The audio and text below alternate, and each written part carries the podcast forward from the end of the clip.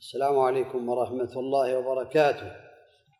الحمد لله رب العالمين والعاقبة للمتقين وأشهد أن لا إله إلا الله وحده لا شريك له وأشهد أن محمدا عبده ورسوله صلى الله عليه وعلى آله وأصحابه وسلم تسليما كثيرا. أما بعد لا شك أن المسلم والمسلمة وجميع الناس المسلمين يعلمون أن الله تعالى ما خلق الجن والإنس إلا لعبادته وحده. هذه المهمة التي من أجلها خلق الإنسان الحكمة التي من أجلها وجد الإنسان في هذه الحياة الدنيا هي عبادة الله تعالى وحده لا شريك له.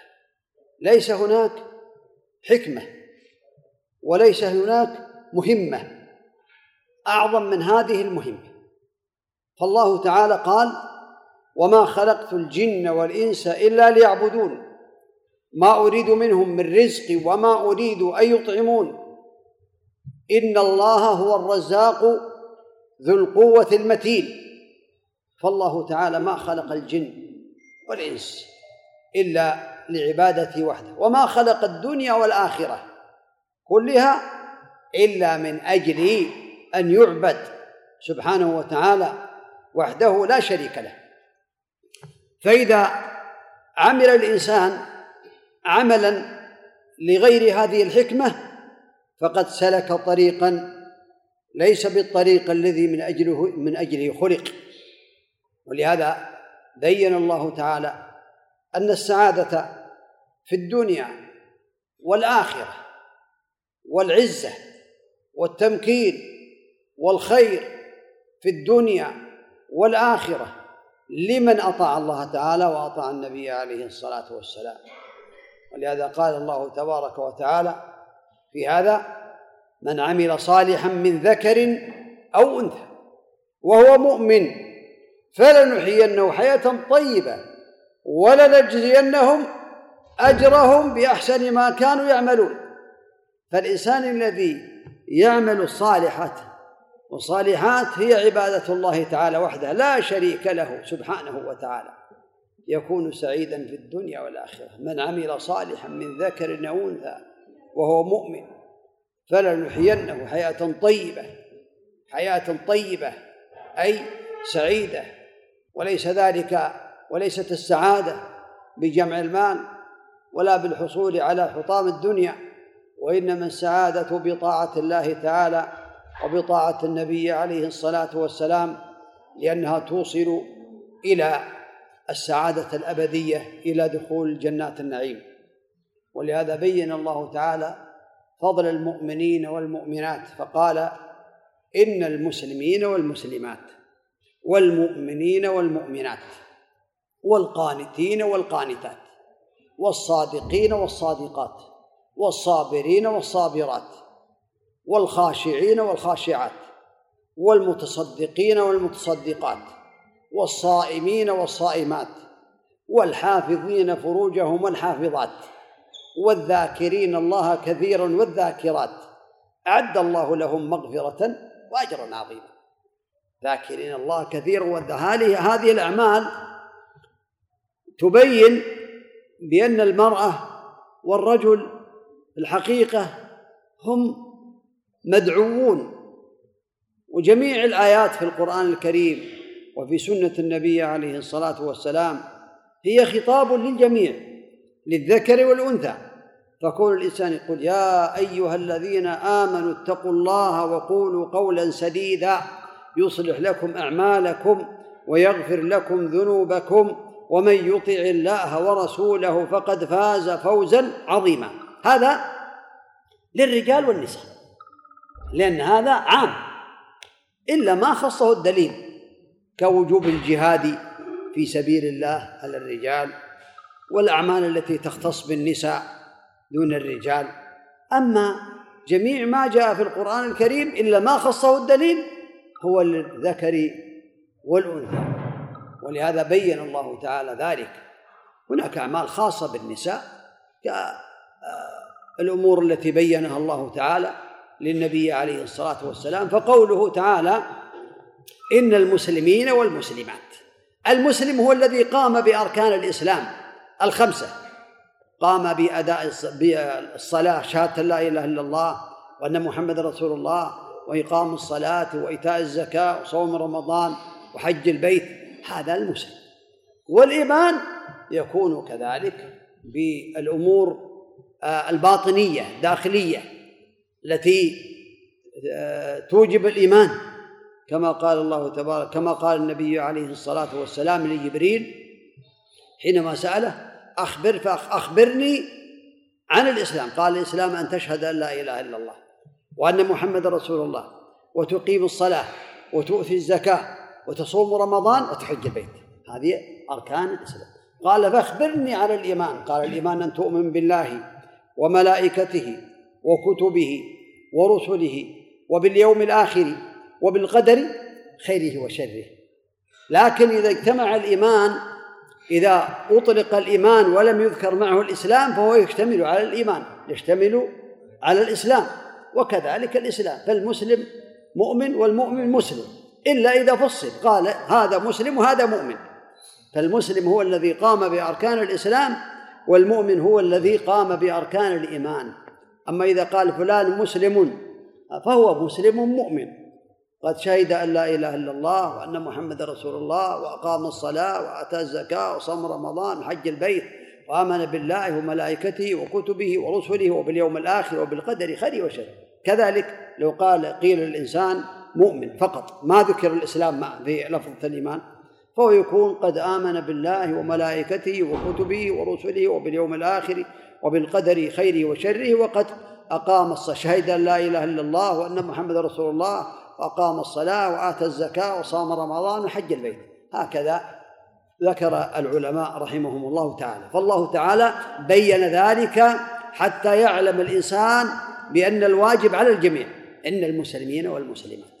والمؤمنين والمؤمنات والقانتين والقانتات. القانتين هم الطائعين الذين أداموا الطاعة. هذا من معاني القنوت من معاني القنوت إدامة الطاعة والمحافظة على طاعة الله تعالى حتى يلقى العبد ربه تبارك وتعالى. والصادقين والصادقات الصادقين في أعمالهم الصادقين في نياتهم الصادقين في أقوالهم وليس معنى ذلك الصادقين باللسان فقط الصادقين في كل شيء. يا أيها الذين آمنوا اتقوا الله وكونوا مع الصادقين مع الصادقين في أقوالكم مع الصادقين في أعمالكم مع الصادقين في عبادة الله تعالى بأن تكون خالصة لوجه الله تعالى مع الصادقين في نياتكم وهكذا. الصدق يشمل القول والفعل وكذلك النيات والإرادات. نيات والإرادات. هذا والصادقين والصادقات. والصابرين والصابرات. صابرين والصابرات على طاعة الله لأن الصبر على ثلاثة أنواع. صبر على طاعة الله وصبر عن محارم الله وصبر على أقدار الله المؤلمة فصبر على طاعة الله الصلاة والصيام والحج والقيام بالواجبات والابتعاد عن المحرمات يحتاج إلى صبر. ومن لم يصبر فلا إيمان له لأن الصبر من الإيمان بمثابة الرأس من الجسد. الإنسان إذا ما عنده صبر لا يصلي ما عنده صبر يتحمل بأن يصلي ولا يقوم يعني صلاة الفجر ليصلي خاصة الرجال مع المسلمين مع الرجال في المساجد. ما عنده صبر هذا ما هذا لم يصبر على طاعة الله. وصبر عن محارم الله يصبر على محارم الله. يترك المحرمات هذا يحتاج إلى صبر يحتاج إلى عناية والصبر هو حبس.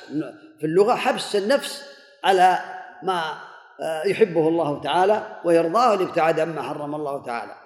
والصابرين والصابرين. صبر على أقدار الله المؤلمة. صبر على ما يحصل من الأقدار من الأمراض من المصائب من فقد الأولاد ومن فقد الأحبة والاباء والأمهات والإخوة والأخوات. صبر وبشر الصابرين الذين إذا أصابتهم مصيبة قالوا إنا لله وإنا إليه راجعون. أولئك عليهم صلوات من ربهم ورحمة وأولئك هم المهتدون. والصادق والخاشع الصابرين والصابرات والخاشعين والخاشعات.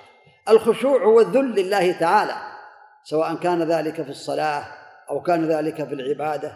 فالله تعالى مدحهم سبحانه وتعالى وبين بأن هذا الخشوع لله تعالى والخاشعين والخاشعات والمتصدقين والمتصدقات.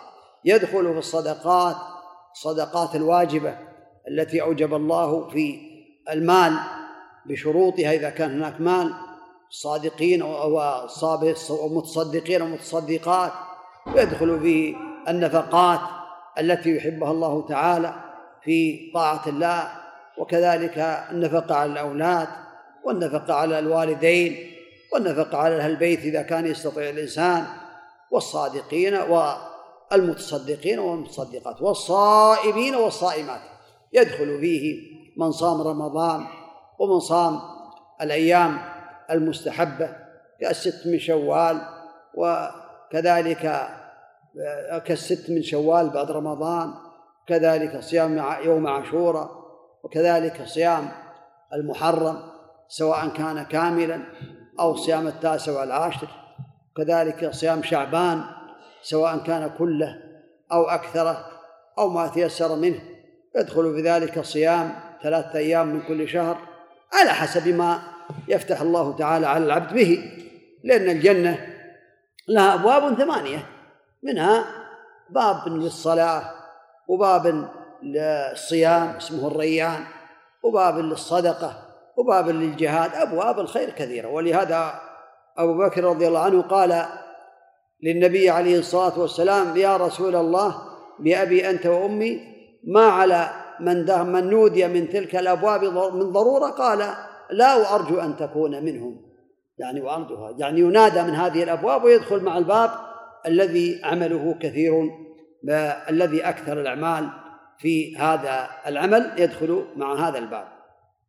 فقوله تبارك وتعالى والمتصدقين والمتصدقات يعم الصدقات كلها وكذلك الصائمين والصائمات والحافظين فروجهم والحافظات. الحافظين فروجهم عما حرم الله وعن إبدائها وغير ذلك والله تعالى قد حرم ذلك على المؤمنين وقد بين تعالى بقوله قد أفلح المؤمنون الذين هم في صلاتهم خاشعون والذين هم عن اللغو معرضون والذين هم للزكاة فاعلون والذين هم لفروجهم حافظون إلا على أزواجهم أو ما ملكت أيمانهم فأولئك فإنهم غير ملومون. فمن ابتغى وراء ذلك فأولئك هم العادون.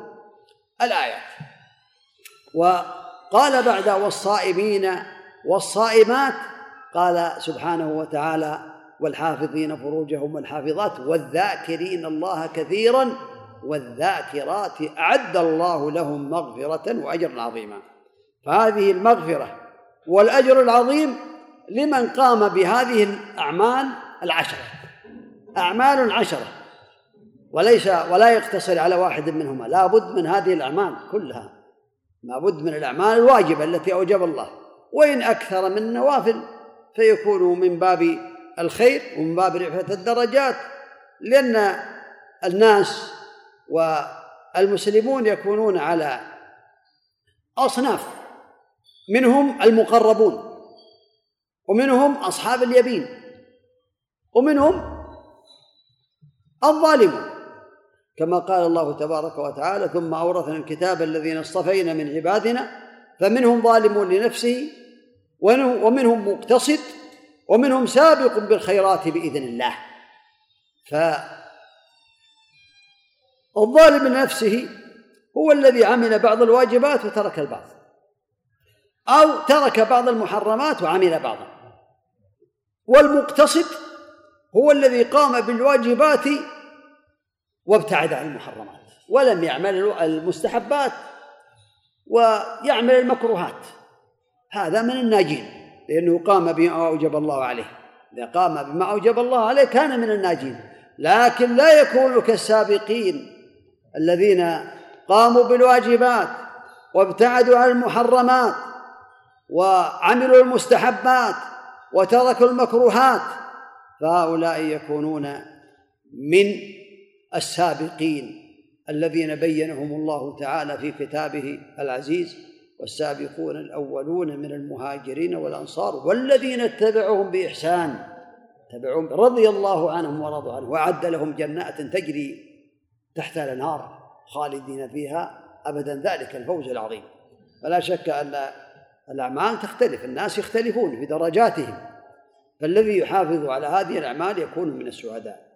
ولا شك أن الله تعالى خص النساء بخصائص وخص الرجال بخصائص. فمن خصائص النساء التزام الحجاب طاعة لله وطاعة للنبي عليه الصلاة والسلام.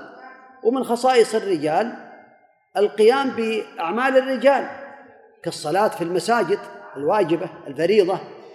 وكالجهاد الفرض على الرجال لا يكون على النساء الحمد لله. وغير ذلك من الخصائص التي يختص بها الرجال. فالله تعالى قال في كتابه العزيز قل للمؤمنين يغضوا من أبصارهم ويحفظوا فروجهم ذلك أزكى لهم. إن الله خبير بما يصنعون.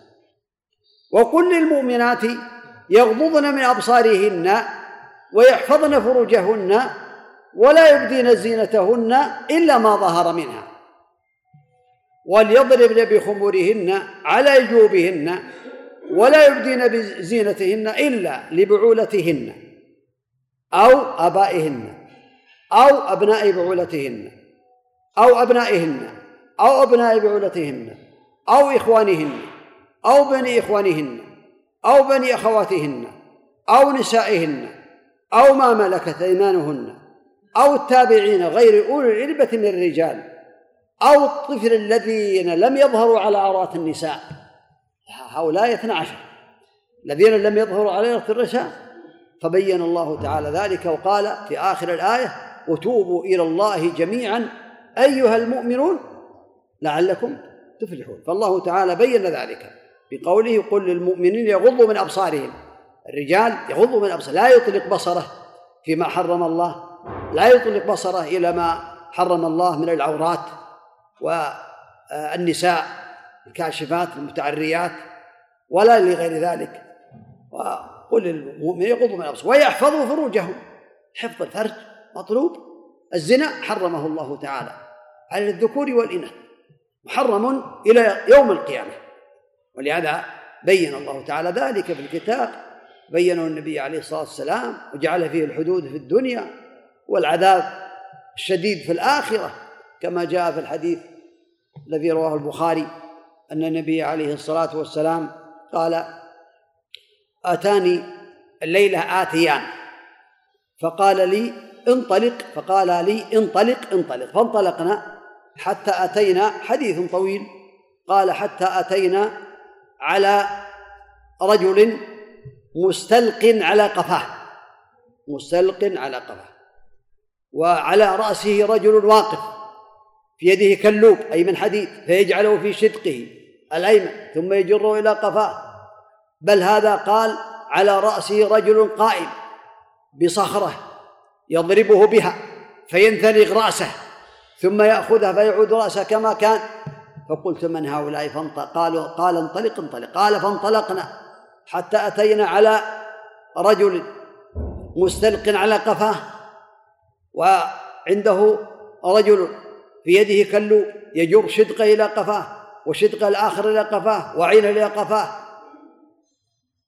وهكذا قال قلت من هذا؟ قال انطلق انطلق. قال فانطلقنا حتى أتينا على رجل يسبح في نهر من دم كالدم ثم يأتي وعند شط النهر رجل واقف معه حجارة يرميه بالحجارة في يفتح فاه يفتح فاه ثم يلتقم الحجارة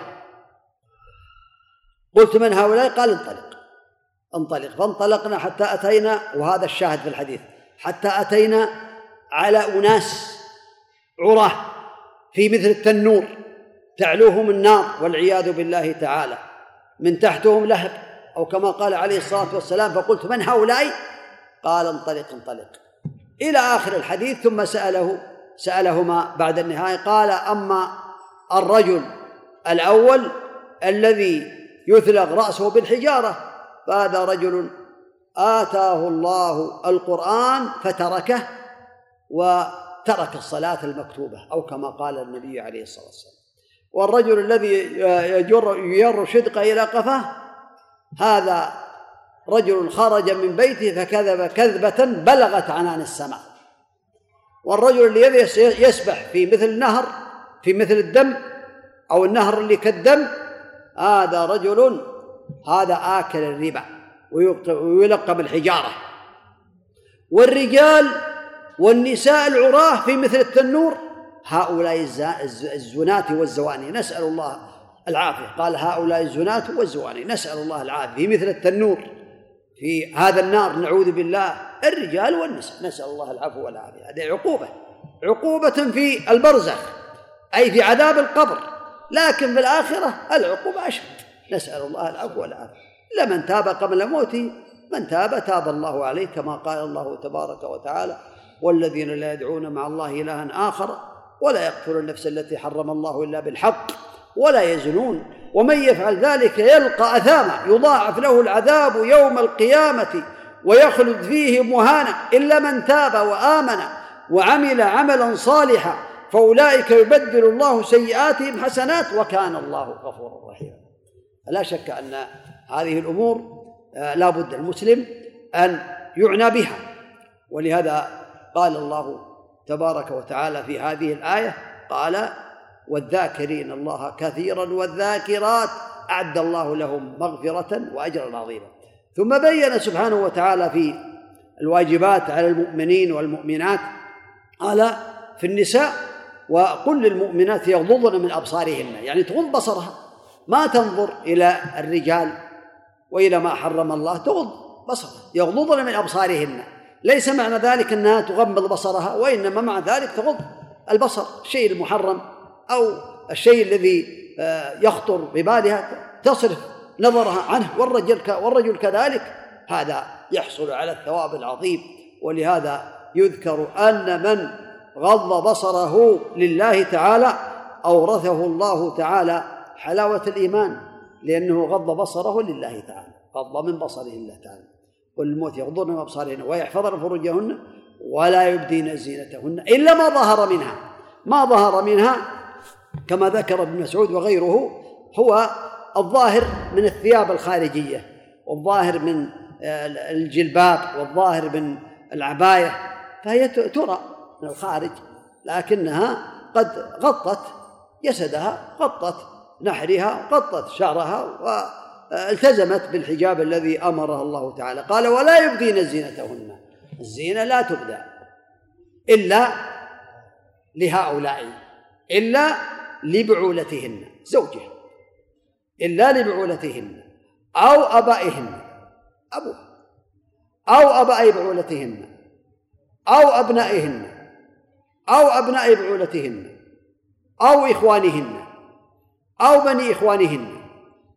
أو بني أخواتهن أو نسائهن النساء المسلمات حتى الكافرة يعني آه، إذا كانت تنقل آه، عورة المرأة تحاول إنها تنتبه منها ها أو نسائهن أو ما ملكت أيمانهن.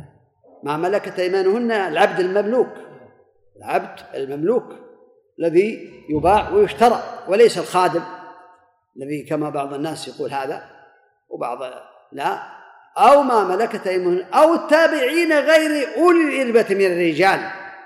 يعني هناك قد يكون هناك أحد في البيت ليس له إربة في الرجال إما مقطوع الذكر وإما غير ذلك وليس له رغبة في النساء. هذا يعني أو التابعين أو الطفل الذين لم يظهروا على عورات النساء. طفل صغير ما يعرف ما يميز لو سئل عن فلانة كيف وجه فلانة كيف شكلها كيف حركاتها ما يدري.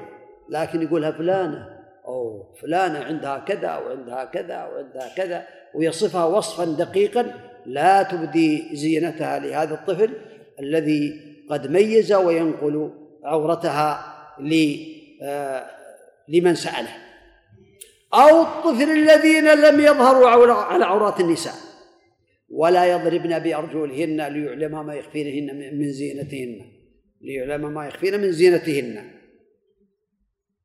أن ذلك كان بعض النساء في الجاهلية ربما تلبس الخلخال في الأقدام أو في غير ذلك فإذا لم يرها الرجال ضربت برجلها حتى يتحرك الخلخال حتى ينظروا إليها ها؟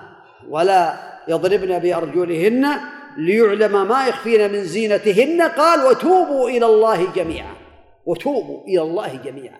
الرجال والنساء والذكور والإناث والجن والإنس وتوبوا إلى الله جميعا. أيها المؤمنون لعلكم تفلحون. كذلك خص الله تعالى النساء بقول الله تبارك وتعالى للنبي عليه الصلاة والسلام اللهم صل وسلم عليه يا أيها النبي قل لأزواجك وبناتك ونساء المؤمنين يدنين عليهن من جلابيبهن. ذلك أدنى أن يعرفن فلا يذين وكان الله غفورا رحيما. أن ذلك أن الله أمر بالحجاب في للنبي عليه الصلاة لنساء النبي عليه الصلاة والسلام وبناته. والذي يقول هذا خاص بنساء النبي عليه الصلاة والسلام يرد عليه قوله تعالى ونساء المؤمنين فكل واحدة من نساء المؤمنين يجب عليها أن آه، ترتدي الجلباب. قالوا الجلباب هو الذي يكون فوق الخمار. يغطي صدرها ويغطي شعرها ويغطي آه، جميع جسدها. ولا تبدي إلا عين واحدة أو العينين. يعني كما يقال في آه، النقاب العينين بعض الناس يتوسع في النقاب. ثم يخرج الوجنتين تخرج المرأة الوجنتين وغير آه، ذلك من نصف الوجه وغير هذا ليس بحجاب هذا زينة. لأن بعض النساء تكون مشوهة وإذا لبست آه، النقاب هذا الذي تظهر منه الوجنتان هذا يزيدها زينة. حتى بعض الناس قيل لأنه لو جعل على العنز عنز جعل عليها نقاب صارت جميلة. فالخلاصة أن النقاب المعروف عند السلف هو أن تبدي عينا واحدة أو تبدي العينين لا بأس. خلاصة أنها تخرج العينين لترى ما أمامها. أما كونها تقول للناس تقدموا والناس راح ليس عليها إلا بطاعة الله تعالى وطاعة النبي عليه الصلاة والسلام. يا أيها النبي قل لأزواجك وبناتك ونساء المؤمنين يدنين عليهن من جلابيبهن ذلك أدنى أن يعرفن فلا يؤذين. يعني يعرفن بين الناس بأنها حرة لأن الحرة ما كانت تلبس الجلباب. فإذا رأى الفسقة والمجرمون في عهد النبي عليه الصلاة والسلام المرأة المتحجبة هربوا منها لأنهم يعلمون أنها ما تريد المحرمات. ولهذا حينما نزلت هذه الآية كنا نساء الأنصار صلينا مع النبي عليه الصلاة والسلام كأنهن الغربان كأنهن الغربان في آخر الصفوف صفوف الرجال امتثالا لهذا لهذه الآية ولغيرها. الخلاصة أن المرأة وعليها أن تتقي الله تعالى وتراقب الله في السر والعلن وتعلم بأنها إذا أرضت ربها فإن الله تعالى يرضى عنها ويجعلها سعيدة في الدنيا والآخرة وعليها أن تتقي الله. أينما كانت.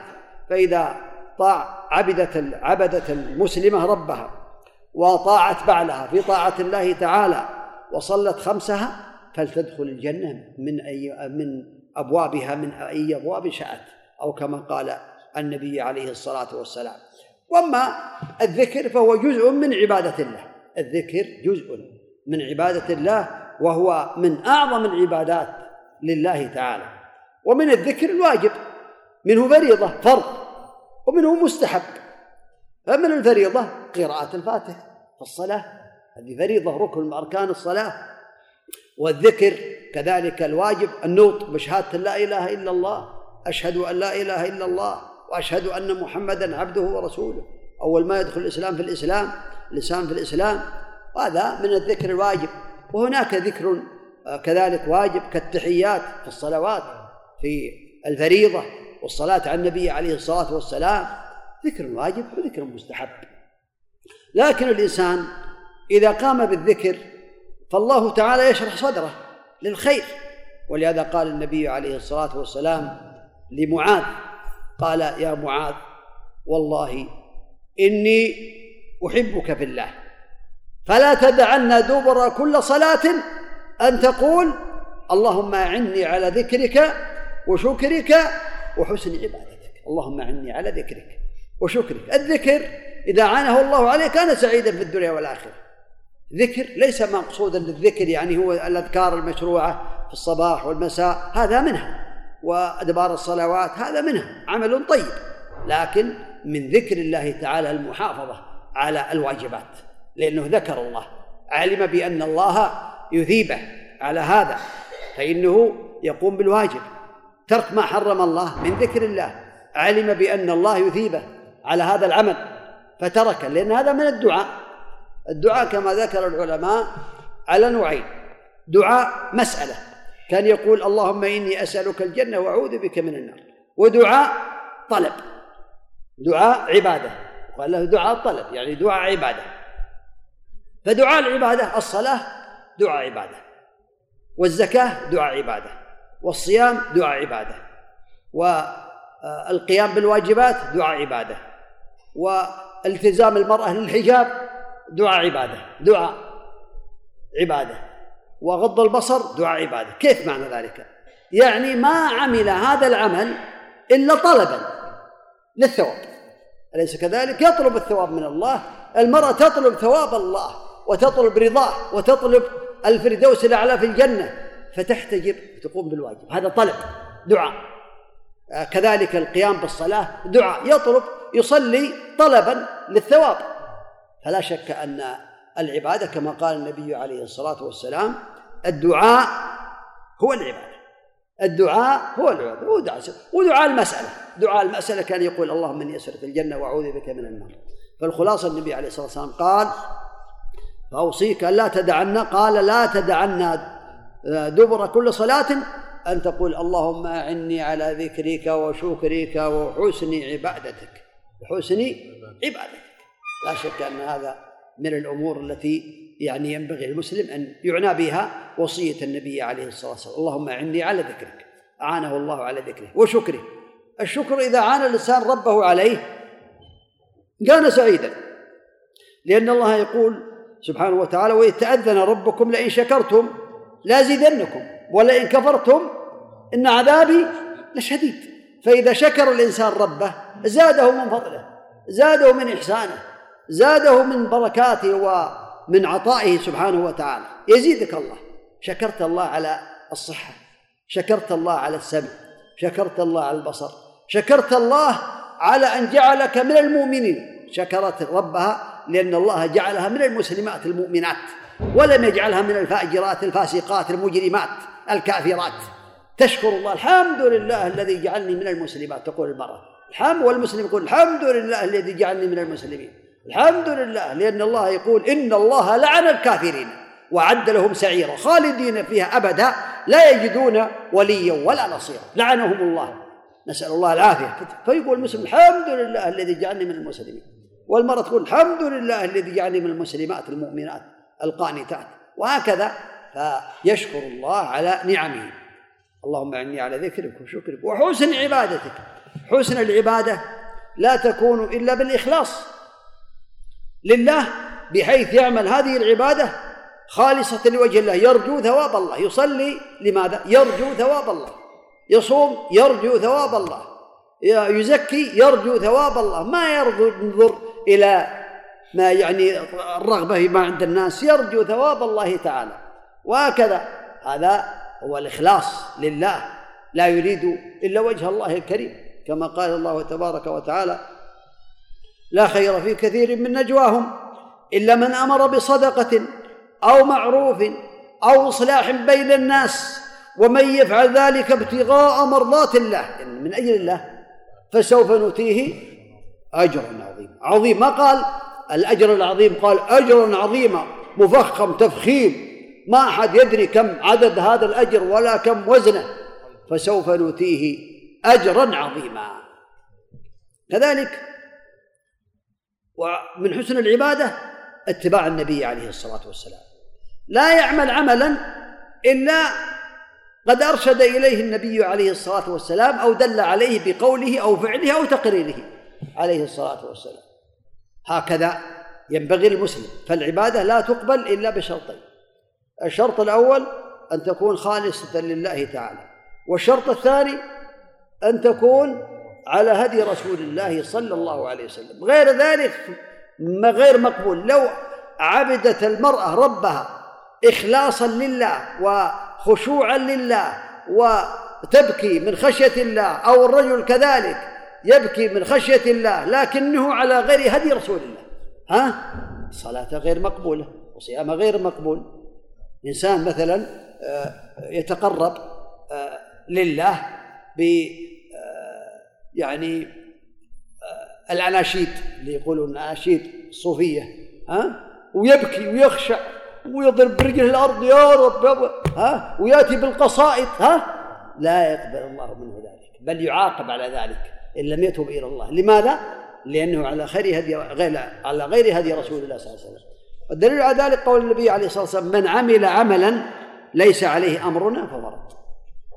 إذن فالخلاصة أن الأذكار في الحقيقة هي مما يعين الإنسان على طاعة الله تعالى وعلى طاعة النبي عليه الصلاة والسلام.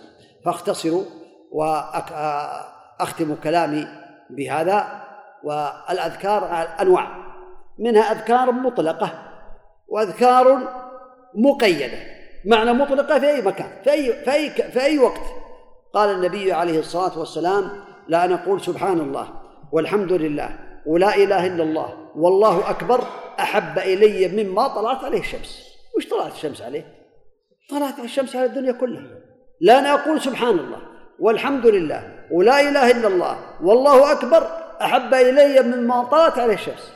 قال من قال في يوم سبحان الله وبحمده سبحان الله العظيم. من قال في يوم سبحان الله وبحمده مئة مرة حطت خطاياه وإن كانت مثل زبد البحر. مئة مرة تحط خطاياه. قال النبي عليه الصلاة والسلام كلمتان خفيفتان على اللسان ثقيلتان في الميزان حبيبتان إلى الرحمن. سبحان الله وبحمده سبحان الله العظيم. هذه أذكار مطلقة. إيش معنى مطلقة؟ تقال في أي وقت. تقال في الصباح في المساء في أي وقت في أي وقت. مطلقة. كذلك قال الباقيات الصالحات. يعني أعظم الباقيات الصالحات. سبحان الله والحمد لله. ولا إله إلا الله. والله أكبر. ولا حول ولا قوة إلا بالله. هذه الباقيات الصالحات. مطلقة. يقولها مطلق في أي وقت. كذلك لا حول ولا قوة إلا بالله وحدها كنز من كنوز الجنة. كنز من كنوز الجنة. لا حول ولا قوة إلا بالله. معنى لا حول ولا قوة إلا بالله؟ لا تحول من صحة إلى مرض ولا من مرض إلى صحة ولا من غنى إلى فقر ولا من فقر إلى غنى ولا من عز إلى ذل ولا من ذل إلى عز ولا من حياة إلى موت. ولا من شقاوة إلى سعادة ولا من سعادة إلى شقاوة إلا بقدرة الله وحوله وقوته سبحانه وتعالى. ولهذا قال النبي عليه الصلاة والسلام لا إله حول ولا قوة إلا بالله. كنز من كنوز الجنة. وقال من قال سبحان الله من قال سبحان الله وبحمده سبحان من قال سبحان الله العظيم وبحمده غرست له نخلة في الجنة. سبحان الله العظيم وبحمده. هي نفسها مثل الأولى سبحان الله وبحمده. هذه لكن من قال سبحان الله العظيم وبحمده غرست له نخلة في الجنة. في الأذكار المطلقة يعني حافظ عليها. الإنسان لا إله إلا الله. من قالها مئة مرة كتب الله له مئة حسنة ومحى عنه مئة سيئة. وكانت حرز له من الشيطان حتى يمسي ولم يأتي أحد بأفضل منه إلى يوم القيامة. خمس. من قال لا إله إلا الله وحده لا شريك له له الملك وله الحمد وهو على كل شيء قدير في يوم مئة مرة كانت له عند عشر رقاب كأنها أعتق عشر رقاب. وكتب له مئة حسنة ومحيت عنه مئة سيئة. وكانت حرزا له من الشيطان حتى يمسي ولم يأتي أحد بأفضل مما جاء به يوم القيامة إلا من عمل أكثر منه أو كما قال النبي عليه الصلاة والسلام. هذه يقال لها أذكار مطلقة في أي وقت. أذكار مقيدة. مقيدة كأذكار الصباح يعني مقيدة بوقت معين. كأذكار الصباح وأذكار المساء وأذكار أدبار الصلوات وأذكار الدخول وأذكار الخروج. يعني دخول المنزل خروج من المنزل دخول المسجد خروج من المسجد دخول دورات المياه. الخروج من دورات المياه هذا الذي يقوم بهذا يكون من الذاكرين الله كثيرا والذاكرات. الذي قال الله تعالى فيهم والذاكرين الله كثيرا والذاكرات أعد الله لهم مغفرة وأجرا عظيما. إذا هذا من الأذكار التي يقال لها أذكار مقيدة. فأذكار الصباح أعظم أذكار الصباح ما قاله النبي عليه الصلاة والسلام وهو سيد الاستغفار. والنبي عليه الصلاة والسلام في الحديث الذي رواه البخاري في سيد الاستغفار أن يقول العبد اللهم أنت ربي لا إله إلا أنت خلقتني وأنا عبدك وأنا على عهدك ووعدك ما استطعت أعوذ بك من شر ما صنعت أبوء لك بنعمتك علي وأبوء بذنبي فاغفر لي فإنه لا يغفر الذنوب إلا يعني معنى أبو أعترف. أبو بذنبي أعترف بذنبي. وأبوء لك بنعمتك علي أعترف لك بنعمتك علي. قال من قالها إذا أصبح فمات قبل الأمس كان من أهل الجنة. ومن قالها إذا أمسى فمات قبل أن يصبح كان من أهل الجنة. هذا سيد الاستغفار. عظيم. لا يهمله الإنسان. لعله أن يموت وهو قد قاله صباحا أو مساء. هذا من أذكار الصباح من أذكار الصباح كذلك أن يقول الإنسان بسم الله الذي لا يضر مع اسمه شيء في الأرض ولا في السماء وهو السميع العليم. كذلك في الصباح والمساء. قال النبي عليه الصلاة والسلام من قال بسم الله الذي لا يضر مع اسمه شيء في الأرض ولا في السماء وهو السميع العليم إذا أصبح وإذا أمسى. لا يصيبه شيء إذا قال إذا أمسى حتى يصبح وإذا قال إذا أصبح. لا يصيبه شيء حتى يمسي. وقال لبعض الصحابة قال قل قال ما أقول؟ قال قل. قال ما أقول؟ قال قل هو الله أحد والمعوذتين. تكفيك من كل شيء. الله أكبر. قل هو الله أحد قل أعوذ برب الفلق وقل أعوذ برب الناس. تقرأ ثلاث مرات في الصباح لا يصيبك شيئا حتى تصبح. إذا قرأتها في المساء إذا قرأتها حتى تمسي. إذا قرأتها في المساء لا يصيبك شيء حتى تصبح. هذا شيء هذه نعمة. لا يصيبك شيء. هذا من نعمة الله. وهذا يدخل فيه والله تعالى أعلم المعاصي التي تخرج الإنسان من الخير ويدخل فيه كل شر يعني يصرف الله عنه كل شر إن شاء الله تعالى. كذلك آية الكرسي صباحا ومساء وغير ذلك من أذكار الصباح والمساء فهي كثيرة والحمد لله. لكن الإنسان إذا تكاسل عنها لا يترك الجل ولا يترك الأعظم. مثل الإنسان كسلان ما يريد عليك بدعاء سيد الاستغفار وبسم الله الذي لا يضر مع اسمه شيء والمعوذات ثلاث مرات. عندك قوة زيادة؟ الحمد لله. خذ من الأذكار الأخرى لترتقي ولتكون من السابقين. كذلك دعاء للنوم. إذا أراد الإنسان أن ينام هذا من الأذكار المقيدة. يقرأ آية الكرسي يقرأ المعوذات ثلاث مرات يتفل في يده ينفث في يده ثلاث مرات ويقرأ ثلاث مرات المعوذات. كل مرة يقرأ وينفث. يمسح بها جسده ويقول رب قني عذابك يوم تبعث بعدك. الأذكار كثيرة لكن هذا يعني منها ومن أعظمها آية الكرسي وقراءة المعوذات وما تيسر منها. وكذلك آه، أذكار استيقاظ من النوم استيقاظ بسم الله الحمد لله الذي أحياني بعد مماتي وإليه النشور. ومن أعظمها أنه إذا استيقظ فقال قال النبي عليه الصلاة والسلام هذا ينبغي للمسلم والمسلم أن يحفظه. حديث عظيم البخاري. قال من تعار من الليل. من تعار يعني من استيقظ آخر الليل وربما يكون آه، الاستيقاظ الذي فيه ذكر والله أعلم. من تعار من الليل. ثم قال لا إله إلا الله وحده ولا شريك له له الملك وله الحمد وهو على كل شيء قدير. سبحان الله والحمد لله ولا إله إلا الله والله أكبر ولا حول ولا قوة إلا بالله. فإن دعا استجيب له. فإن قام وتوضأ وصلى قبلت صلاته. هذا شيء عظيم. استغفر غفر الله له. أو دعا يستجيب الله له. أو توضأ وصلى قبلت صلاته. لا ينسى الاسم. من تعارم يقال لا إله إلا الله وحده لا شريك له. له الملك وله الحمد وهو على كل شيء قدير. سبحان الله والحمد لله ولا إله إلا الله والله أكبر ولا حول ولا الا هذه رواية ابن ماجه. هذا اكملها وهو في البخاري. هذا من أذكار الاستيقاظ من النوم ويقرأ أواخر سورة آل عمران ثبت عن النبي عليه الصلاة والسلام.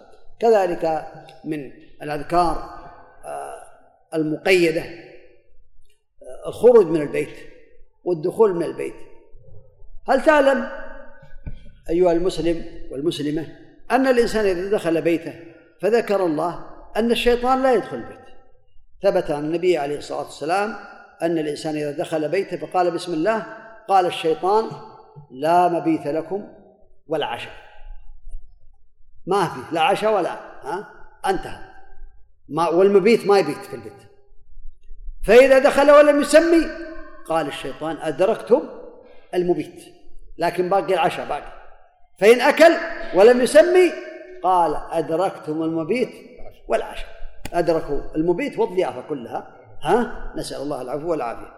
كذلك يقول بسم الله ولجنا بسم الله خرجنا وعلى الله ربنا توكلنا.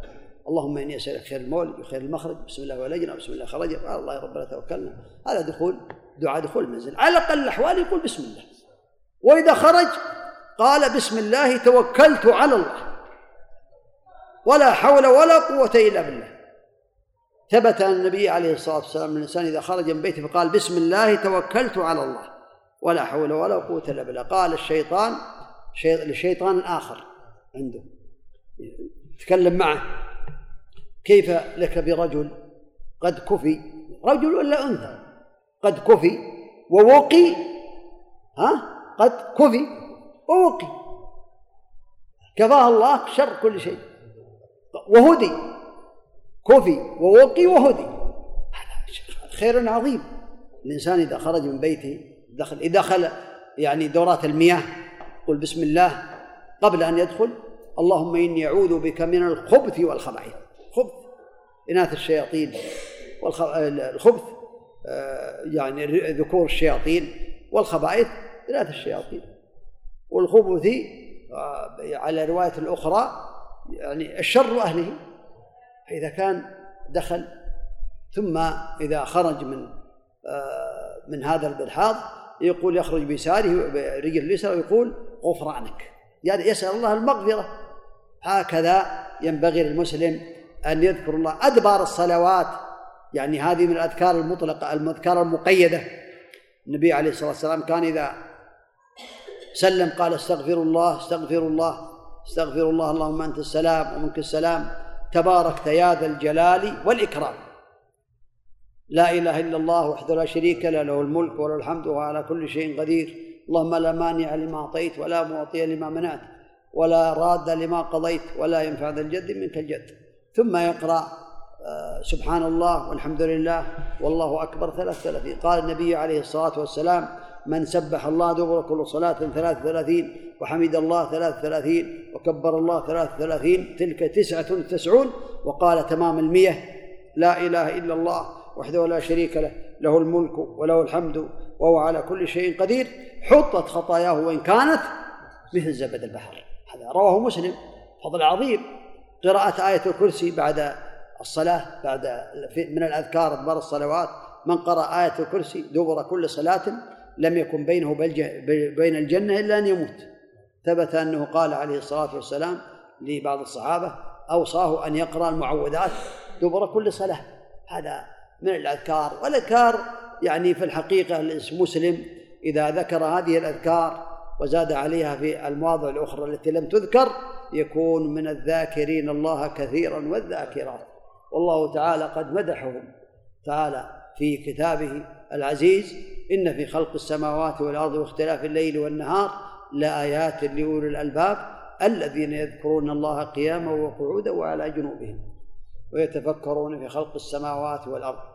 أسأل الله تعالى بأسماء الحسنى وصفاته العلى أن يجعل هذا الكلام حجة لنا لا حجة علينا إنه على كل شيء قدير وأن يوفقنا لطاعته وأن يرزقنا العلم النافع والعمل الصالح. وصلى الله وسلم وبارك على نبينا محمد وعلى آله وأصحابه أجمعين. وإذا كان هناك أسئلة تكون عن طريق الكتابة لا عن طريق الكلام. نعم.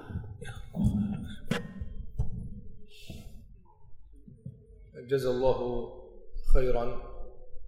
شيخنا الفاضل الدكتور سعيد بن علي القحطاني على هذه المحاضرة القيمة والأفكار النيرة والشرح المستفيض والموعظة الحسنة. بارك الله به وأجزل, وأجزل له العطاء والمثوبة. هل هناك أسئلة توجه لفضيلة الشيخ؟ هذا السؤال يقول الأذكار إذا سمعت من الجهاز هل تعتبر كأنها قيلت يعني؟ أم يجب قولها باللسان؟ الأذكار لا تعتبر إذا قرئت من الجهاز.